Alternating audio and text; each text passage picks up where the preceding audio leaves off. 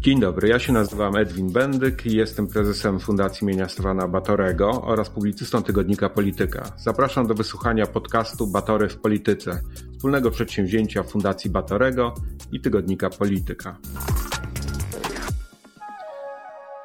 A gościem dzisiejszego spotkania jest pan Adam Bodnar, Rzecznik Praw Obywatelskich, profesor Uniwersytetu SWPS. Dzień dobry. Dzień dobry panie redaktorze, dzień dobry państwu. Kończy się niezwykle e, ciekawy, dramatyczny, wręcz dla wielu e, tragiczny rok naznaczony e, pandemią. Myśmy z panem profesorem Bodnarem rozpoczynali, można powiedzieć, ten cykl pandemiczny rozmową w marcu gdzie no, wtedy na początku tego wszystkiego analizowaliśmy konsekwencje e, te, tego, co się dzieje, tego stanu nadzwyczajnego, wynikającego z samego nadzwyczajności e, procesu, jakim jest, jest pandemia, ale też, też różnego typu decyzji podejmowanych w sferze administracyjnej, politycznej. E, no, rok się kończy, pandemia się nie skończyła, mimo że mieliśmy takie złudne nadzieje. I chciałbym, pierwsze moje pytanie, czy ten szczególny dla nas wszystkich y, jako obywateli, mieszkańców y, Polski rok był równie szczególny dla Rzecznika Praw Obywatelskich. Myślę, że 2020 rok był szczególnie ważny dla Urzędu Rzecznika Praw Obywatelskich, y, ponieważ pierwszą rzecz, o której pamiętam z pandemii, to było takie dostrzeżenie przez obywateli, dlaczego Urząd Rzecznika może być im potrzebny. My dosłownie zostaliśmy zalani skargami, e, prośbami o interwencję e, w kontekście e, koronawirusa i funkcjonowania państwa polskiego. I tych, i tych wystąpień, interwencji, które podjęliśmy, to były no dosłownie setki, jeśli nie tysiące. W różnych sprawach, i sprawach życia codziennego, i sprawach tych fundamentalnych związanych ze stanem nadzwyczajnym, czy brakiem prowadzenia stanu nadzwyczajnego, wyborami prezydenckimi, dostępnością ochrony zdrowia, edukacją zdalną, e, sytuacją na granicach, e, możliwością oddawania głosów przez obywateli mieszkających poza granicami Polski. No, tematów było mnóstwo i dla mnie to było o tyle ważne, że tak jak ktoś mógł postrzegać Urząd Rzecznika, że być może to jest instytucja gdzieś skrzywiona w jedną czy w drugą stronę, to w tym przypadku obywatele w ogóle nie zadawali tych pytań. Tak? Oni potrzebowali konkretnej, precyzyjnej informacji, interwencji i jakiegoś poziomu stabilności, że jest ktoś, kto jednak w miarę stabilnie i konsekwentnie patrzy na system prawny i w ten sposób odpowiada na e, zapotrzebowanie obywateli. No właśnie, to jeszcze wrócimy do tych y, najważniejszych interwencji w ciągu roku, ale teraz no, y, koniec roku wywołał emocje związane z, y, no, z czymś, co, co czasami było nazywane narodową kwarantanną i obostrzeniami wprowadzonymi. W, ty, w tym czasie pan zwracał uwagę na niekonstytucyjność, czy w ogóle nielegalność godziny policyjnej, która szybko przestała być godziną policyjną w retoryce przedstawicieli rządu, stała się ograniczeniem e, swobody poruszania i, i tutaj akurat minister Dworczyk e, argumentuje, że wprowadzono jak najbardziej legalnie, bo w, w kontekście ustawy o przeciwdziałaniu skutkom epidemii. Jak Pan właśnie patrzy na, na, na, na, te ostatnie dni roku i, i sytuację, w jakiej się znaleźliśmy? Przede wszystkim faktycznie przepisach ustawy z 2008 roku o zapobieganiu chorobom zakaźnym znajdziemy przepisy pozwalające na to, aby wydawać rozporządzenia, które by określały sposób przemieszczania się obywateli. Natomiast ten przepis w praktyce był interpretowany i, e, i dawał podstawę do wydawania bardzo daleko idących e, rozporządzeń, włącznie z tym, że zakazywano czy to młodzieży, czy osobom starszym, czy teraz wszystkim, e, wychodzenia z domu w określonym e, czasie. Pod warunkiem spełnienia jakichś dodatkowych kryteriów, jak na przykład istnienie jakichś nadzwyczajnych potrzeb życiowych, czy wykonywanie działalności gospodarczej. I to przeciwko ja, czemu ja protestowałem wraz z moim biurem, to właśnie pójście w takim kierunku, że za pomocą rozporządzenia, czyli za pomocą aktu wykonawczego, w zasadzie wkracza się w sferę praw i wolności jednostki. Czyli ten zarzut y, jakości regulacji i tego, że nasze prawa są ograniczane na poziomie de facto rozporządzeń, a nie ustaw, to, była, to był pierwszy taki główny, mm, pierwsza główna wątpliwość dotycząca e, stanowionych e, przepisów. Natomiast druga wiązała się z tym, że mamy do czynienia z arbitralnym stosowaniem przepisów, że czasami one są stosowane przeciwko obywatelowi, a czasami się przymyka oko i tu zarówno jak spojrzymy do rzeczywistości naszej z kwietnia, jak również do aktualnej rzeczywistości, to widzimy różne sytuacje że niektórych te przepisy nie obowiązują albo obowiązują w innym stopniu.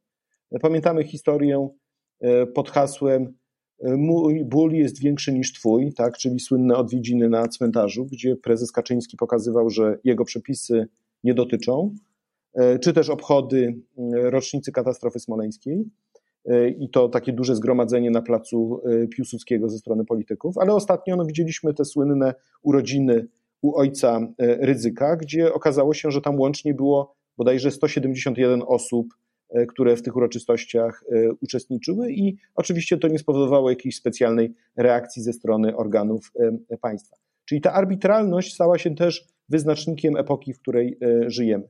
Złe przepisy i arbitralność i oczywiście możliwość pójścia z tymi różnymi sytuacjami do sądu, natomiast to zawsze zajmuje czas, energię i nie zawsze e, obywatele e, są w stanie w taki sposób się zorganizować, e, aby tych swoich spraw przed sądami bronić. Ja mam takie pytanie, nie, nie, trochę nie, niezręczne, ale jednak muszę je zadać, bo, bo czy, czy, kiedy podejmuje Pan interwencję, no właśnie w takich sprawach jak, jak wspomniana godzina policyjna, czy innego typu ograniczenia swobód obywatelskich, czy ma Pan do końca przekonanie, e, jakby w, w jakiej sprawie Pan interweniuje? Znaczy, myślę, o co mi chodzi? Znaczy, jak słucham przedstawicieli rządu, to oni sami mają problemy na jednej konferencji jakby spójnie wyartykułować, co, co podjęli, jakiego typu decyzje podjęli. No właśnie nawet ta wspomniana godzina policyjna, która przestała nią być bardzo szybko. I, i no, jest poczucie totalnego chaosu, więc pytanie takie czysto, chyba techniczne, ale jednak o istotnych konsekwencjach. Na jakiej podstawie właśnie Pan podejmuje interwencję? Akurat w przypadku godziny policyjnej to było o tyle łatwe, że na samym początku musiałem się tylko odnieść w różnych e, wypowiedziach dla mediów, co na ten temat myślę. Natomiast e, jak już organizowałem e, konferencję prasową, która była poświęcona temu tematowi, no to było już wydane, to już były te zapowiedzi w miarę sprecyzowane. Natomiast później się e, okazywało, że jednak przepisy, które zostały wydane, i tak były inne od tego, o czym dyskutowaliśmy. Także ja mam wrażenie, że my mamy do czynienia z takim swoistym, trochę dziwnym dialogiem, gdzie nie zawsze to, co e, stanie się przepisem, jest tym, co jest pojawiane, to, tym, co jest pokazywane, przepraszam, na e, konferencji e, prasowej. I trochę te konferencje prasowe i te słynne prezentacje mogą służyć takiemu trochę testowania opinii publicznej, takim swoistym publicznym konsultacjom, tak? Czyli coś zapowiemy, zobaczymy, jaka będzie reakcja, a jeżeli nawet ta reakcja, a jeżeli ta reakcja będzie silna i zdecydowana, to najwyżej później w przepisach tego nie przyjmiemy. A nawet jeżeli to przyjmiemy w przepisach, to i tak później tego nie będziemy stosowali. I podam jeden prosty przykład. 24 grudnia 2020 roku, Wigilia. Ograniczenie wprowadzone przepisami, które zakładały, że te pięć osób ma być przy każdym stole e, wigilijnym. Prawda? I pamiętamy te wszystkie dyskusje, co będzie, jak przyjdzie ten, e, ta, e, ten wędrowiec, który prawda, poszukuje schronienia, co będzie, jeżeli ktoś nagle do naszej rodziny dołączy, jeżeli nas będzie 7, 8, 10 osób, a, a koniec końców okazało się, że ja nie znam ani jednej historii, żeby policja podejmowała interwencję. Czyli coś, co miało, co ma regulację prawną, co miało regulację prawną, e, okazuje się, że stało się de facto raczej pewną instrukcją do w jaki sposób władza powinna, e, w jaki sposób obywatele powinni funkcjonować, E, czyli coś, co można by wydać na poziomie ogólnego zalecenia i nie trzeba było tego ujmować w karby e, rozporządzenia, które podlega ścisłej, e, czy które powinno podlegać ścisłej egzekucji ze strony policji, czy też sanepidu.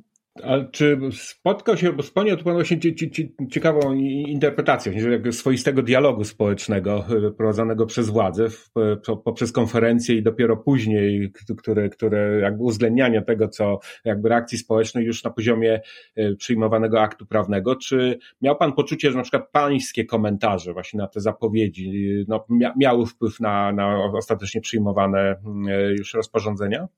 Ja myślę, że taki przykład, kiedy miałem takie wrażenie, to jest temat maseczek. No, maseczki my podnosiliśmy od maja. Konsekwentnie mówiliśmy, że e, trzeba to porządnie uregulować ustawowo. W listopadzie, dopiero w listopadzie się udało, niestety dopiero wtedy, ale tu te, to, ten głos ze strony rzecznika był konsekwentny. Czasami są różne sprawy takie drobiazgowe, które nie dostrzega opinia publiczna, ale które są ważne dla ludzi. Pamiętam taką historię lekarzy transgranicznych, czyli lekarzy, którzy mieszkają w Polsce, mieszkają w nie, e, przepraszam, mieszkają w Polsce, pracują w Niemczech i oni na początku pandemii mieli taki kłopot, że wracając do Polski musieli odbywać kwarantannę. Podczas gdy oczywiście podlegali stałemu testowaniu i nie miało to większego sensu, żeby oni za każdym razem kwarantannę odbywali, no bo to by ich eliminowało w ogóle z możliwości wykonywania pracy zawodowej. I na przykład takie nasze precyzyjne interwencje tutaj dawały bardzo konkretny rezultat i to czasami bardzo szybko.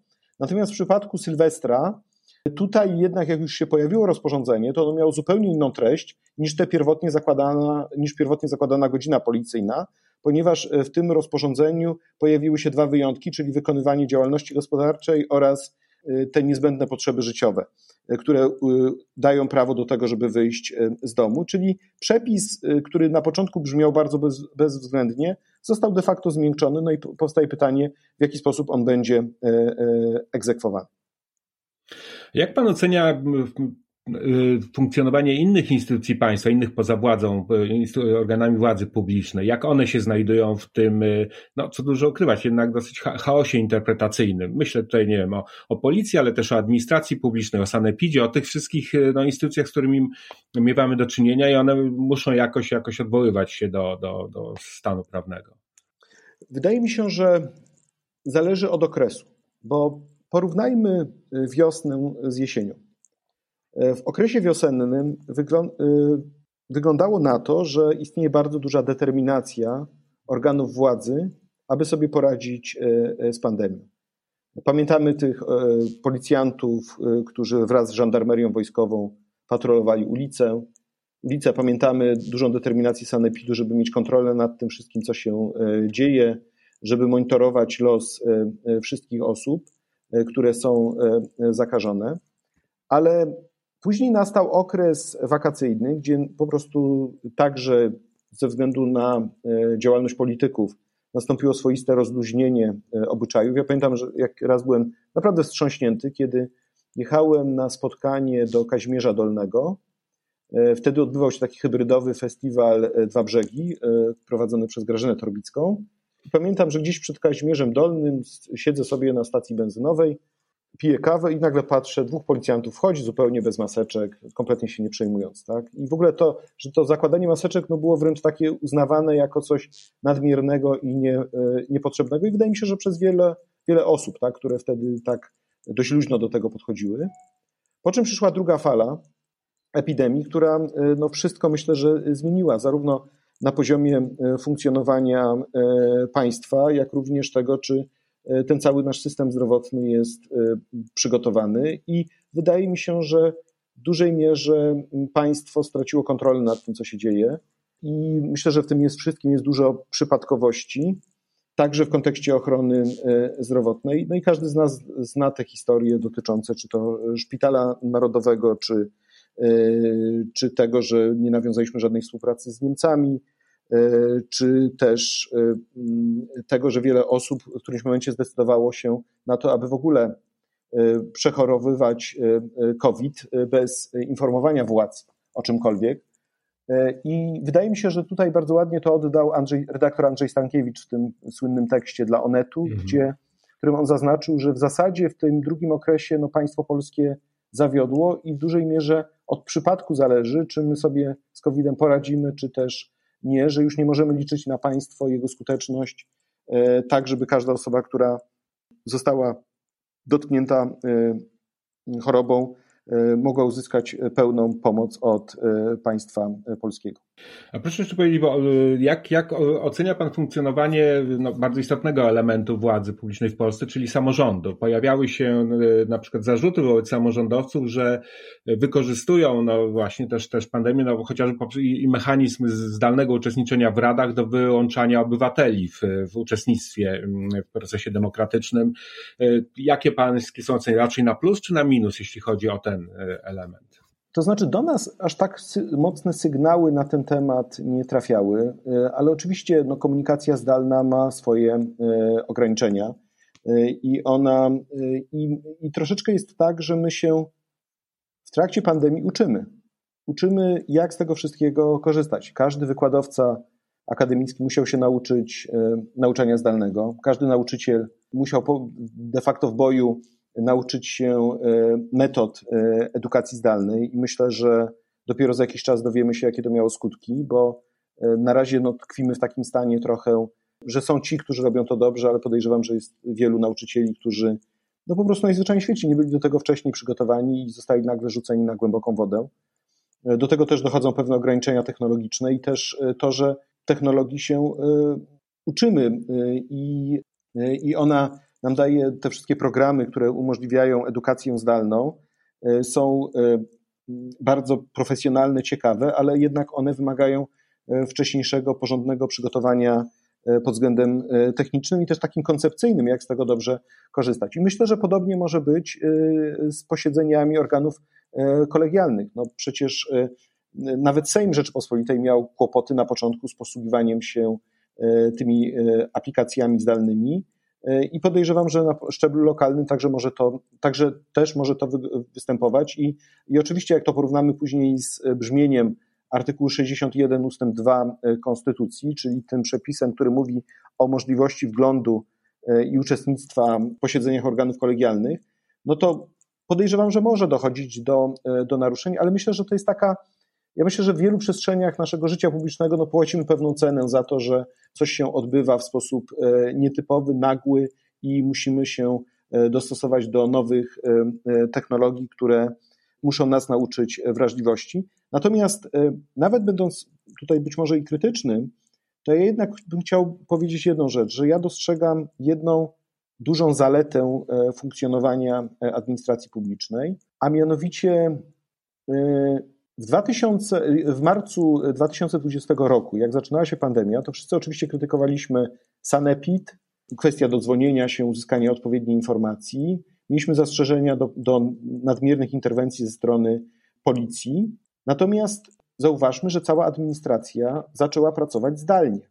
Z dnia na dzień praktycznie rzecz biorąc, i cały obieg dokumentów zaczął być możliwy zdalnie. Nie było takiego momentu, żeby administracja miała jakiś przestój. E, wręcz przeciwnie, tak? No, musiała się nauczyć e, oczywiście, jak ten obieg dokumentów zapewnić w sposób e, skuteczny dla obywateli, ale jednak było to możliwe. I tutaj to jest ten moment, kiedy my powinniśmy docenić to, że wcześniej w Polsce udało się chociażby wprowadzić taki system, który się nazywa EZD, elektroniczne zarządzanie dokumentami, które naprawdę daje niezłe podstawy do tego, żeby administracja funkcjonowała i z czego też jako rzecznik mogłem skutecznie korzystać. To y, zajmują się jeszcze obywatelami, no, czyli tymi, którzy są przedmiotem państwa, pańskiej na, na, największej troski. Jak pan y, ocenia, patrząc na, no bo dotychczas mówiliśmy o tych interwencjach najbardziej spektakularnych, które trafiają do mediów, ale to nie one stanowią masę tego, zresztą sam pan wspomniał, prawda, że ta główna masa pytań, wątpliwości, które, które płyną ze strony obywateli, no, przekracza to, te, te kwestie, o których mówiliśmy. Jaki obraz społeczeństwa teraz pod, pod koniec roku się jawi? Co, z czym mamy największe problemy i jak, jak, jakby pan tutaj spróbował to, tak, tak, taki obraz naszkicować? Pierwszy i zasadniczy problem to jest oczywiście dostępność opieki zdrowotnej. Nie tylko w kontekście COVID-u i tego, czy mamy dostęp do leczenia, ratowania naszego życia, ale także w kontekście e, dostępności innych usług e, e, medycznych. Myślę, że każda osoba w każdej rodzinie ma z tym jakieś lepsze lub gorsze doświadczenia, czasami także tragiczne. I myślę, że my będziemy przez wiele miesięcy i lat musieli analizować, co się stało, co nie zadziałało i w jakim zakresie służba zdrowia powinna ulec reformie. Drugi obszar działalności to jest powiązanie usług zdrowotnych z opieką społeczną ponieważ tutaj wchodzimy w zakres tak zwanej tej polityki resortowej, bo, czym, bo polityką e, e, e, społeczną zajmuje się inne ministerstwa, inne zajmuje się zdrowiem i w takich miejscach chociażby jak zakłady opiekuńczo-lecznicze czy domy pomocy społecznej, ten, ten, ten rozjazd kompetencyjny nagle następuje i to oczywiście będzie wymagało też refleksji z punktu widzenia budowania przyszłej Polski. E, trzecia przestrzeń, którą widzę, to są oczywiście e, ta, e, te zagadnienia, które wiążą się z ingerencją władzy w naszą sferę wolności. Mówiliśmy do tej pory o kwestii naszej wolności osobistej, wolności przemieszczania się, e, te wszystkie zakazy opuszczania e, domów, ale pamiętajmy, że to był okres niezwykle gwałtowny z punktu widzenia politycznego. Najpierw okres wyborów prezydenckich, później okres nagonki na osoby LGBT, a następnie okres e, protestów po rozstrzygnięciu Trybunału Konstytucyjnego z 22 października 2020 roku. Każde z tych wydarzeń powodowało różnego rodzaju protesty e, na ulicach. Mieliśmy też protesty osób dotkniętych e, konsekwencjami e, koronawirusa. Mam na myśli przedsiębiorców, także rolników. I, I to z kolei z punktu widzenia praw i wolności obywatelskich no, powodowało, że policja nadmiernie wykorzystywała swoją władzę i swoje uprawnienia. Mieliśmy sporo interwencji wymagających, wymagających takiego namysłu nad tym, w jaki sposób policja powinna e, postępować, ale także jak powinna być prowadzona polityka informacyjna w stosunku do obywateli, jak nie stosować przepisów w sposób e, arbitralny. I wreszcie jeszcze bym dodał jeden taki element, e, który, o którym już zapomnieliśmy. Prawie zapomnieliśmy w debacie publicznej. On był moim zdaniem jeden z naj, jednym z najważniejszych w mijającym roku, a mianowicie to, że 10 maja nie odbyły się wybory prezydenckie. Po raz pierwszy od 1989 roku nie odbyły się wybory na szczeblu krajowym. E, wybory tak ważne z punktu widzenia funkcjonowania wspólnoty e, demokratycznej. Nikt za to nie poniósł jakiejkolwiek odpowiedzialności, i, e, ale późniejsze także naruszenie różnego rodzaju praw w kontekście organizowania tych drugich wyborów 28 czerwca i 12 lipca 2020 roku było też czymś, co będzie, tak się powiedział, bym odbijało czkawką, jeśli chodzi o naszą e, e, demokrację. No bo kto już teraz się przejmuje tym, że e, jacyś wyborcy mieszkający poza granicami kraju nie mogli oddać głosu, a przecież było, to były tysiące osób. Albo to, że telewizja polska miała wpływ na wynik wyborów. Szereg rzeczy, które mają znaczenie z punktu widzenia naszej demokracji i które no, odbywały się w czasie, równocze- w czasie pandemii czasie, kiedy zmagaliśmy się e, z pandemią, kiedy nasza uwaga, kiedy uwaga opinii publicznej mogła być od tej pandemii odwracana. Wspomniał Pan e, o manifestacjach, e, które wybuchły po 22 października i jak Pan ocenia ten zryw, no, często krytycy tych, tych, tych, tych, tego ruchu zwracali uwagę właśnie, że na nieodpowiedzialność uczestników, uczestniczek, y, którzy występowali na, no, tłumnie na ulicach w czasie, w czasie pandemii, wbrew no właśnie rozporządzeniom y, władzy publicznej. Czy ta krytyka jest uzasadniona co do zasady, bo nie chodzi mi o ocenę moralną czy, czy, czy polityczną, tylko taką właśnie no, z punktu widzenia prawa do, do manifestowania swoich poglądów w takim czasie jak pandemia. Ja myślę, że władza, centralny, ten nasz centralny ośrodek dyspozycji politycznej, zawsze znajdzie argumenty, aby podważyć szczerość intencji drugiej strony. To mogą być argumenty typu właśnie to, że to jest niemoralne w takim momencie protestować. Inny argument będzie taki, a to jest niemoralne, żeby protestować pod kościołami. A jakiś jeden incydent zostanie wyolbrzymiony e, i przedstawiony jakby wręcz no, dochodziło do jakiegoś zamachu na e, świątynię albo będzie argument, że to jest niemoralne, żeby się odzywać i używać wulgarnych słów w czasie demonstracji, albo że to jest niemoralne i e, niegodne, żeby młodzież angażować do tego typu aktów i młodzieżą manipulować. Słowem, zawsze się znajdzie e, jakiś e, argument, który będzie przemawiał przeciwko demonstrantom i który będzie zniechęcał innych do wzięcia udziału w demonstracji. E, natomiast pamiętajmy, że to, co się stało 22 października, nie, nie powinno się w ogóle było stać. 22 e, października to był e, moment haniebny z punktu widzenia polskiej demokracji, ponieważ rozstrzygnięcie, które powinno być tylko i wyłącznie dziełem parlamentu i głębokiej refleksji nad zagadnieniem dopuszczalności legalnej aborcji, zostało przeniesione na poziom organu, który miał to w cudzysłowie załatwić i y, w ten sposób też być może przykryć jakieś różne złe zdarzenia z okresu y, pandemii. No i teraz powstaje pytanie, no to co obywatele mieli zrobić? Mieli y, uznać, że ograniczenie ich takich naturalnych, konstytucyjnych praw, jakim jest wolność zgromadzeń, może po prostu nastąpić na mocy rozporządzenia, czy też powinni jednak w jakikolwiek, w jakiś sposób zademonstrować swój sprzeciw. I wydaje mi się, że w przypadku tego typu wątpliwości, no to trzeba je rozstrzygać na korzyść wolności jednostki. Ja zawsze będę osobą, która w takich sytuacjach będzie stała, stała po stronie e, obywateli, a nie po stronie władzy, która przyjęła arbitralne kryteria e, e, ograniczenia czy wręcz pozbawiania ludzi istoty organizowania pokojowych zgromadzeń. Rok 2020 to także koniec pańskiej kadencji na funkcji na Urzędzie Rzecznika Praw Obywatelskich ciągle obserwujemy bezskuteczne próby e, obsadzenia te, te, tego stanowiska. Ponad 1200 organizacji mm, społecznych zgłosiło społeczną kandydatkę, panią Zuzannę Rudzińską-Bluszcz, no zresztą związaną z, z urzędem, e, z pańskim urzędem. Mm, jak pan e, ocenia sam pomysł, żeby właśnie organizacje społeczne, społeczeństwo obywatelskie wkroczyło do tego procesu, który ma no, charakter, jak widzimy, bardzo polityczny i, i proponowało swojego kandydata, swoją kandydatkę. Myślę, że co do zasady to jest bardzo dobry pomysł, żeby w ten sposób to przeprowadzać. No ja de facto w ten sposób też zostałem zgłoszony jako kandydat na Rzecznika Praw Obywatelskich e, w 2015 roku, wyłoniony przez znacznie mniejszą grupę e, organizacji e, społecznych, którym udało się zbudować także później ciekawe i nietypowe poparcie polityczne, bo za moją kandydaturą e, mm, byli przedstawiciele SLD wtedy, zdecydowanej większości Platformy Obywatelskiej, także kilku posłów e, z PSL-u oraz e, dość dużo posłów, którzy się ostali z ruchu Palikota. Także uważam, że to pokazywało, że społeczeństwo obywatelskie może mieć coś do powiedzenia i może wyłonić dobrego kandydata czy też kandydatkę. Natomiast ja myślę, że my pięć lat później żyjemy w innej Polsce. I to jest kłopot, a mianowicie w Polsce, w której to dążenie do osiągnięcia stałej przewagi konkurencyjnej nad przeciwnikami politycznymi ze strony partii rządzącej powoduje, że nie może być jakiejkolwiek przypadkowości w obsadzie najważniejszych urzędów państwowych.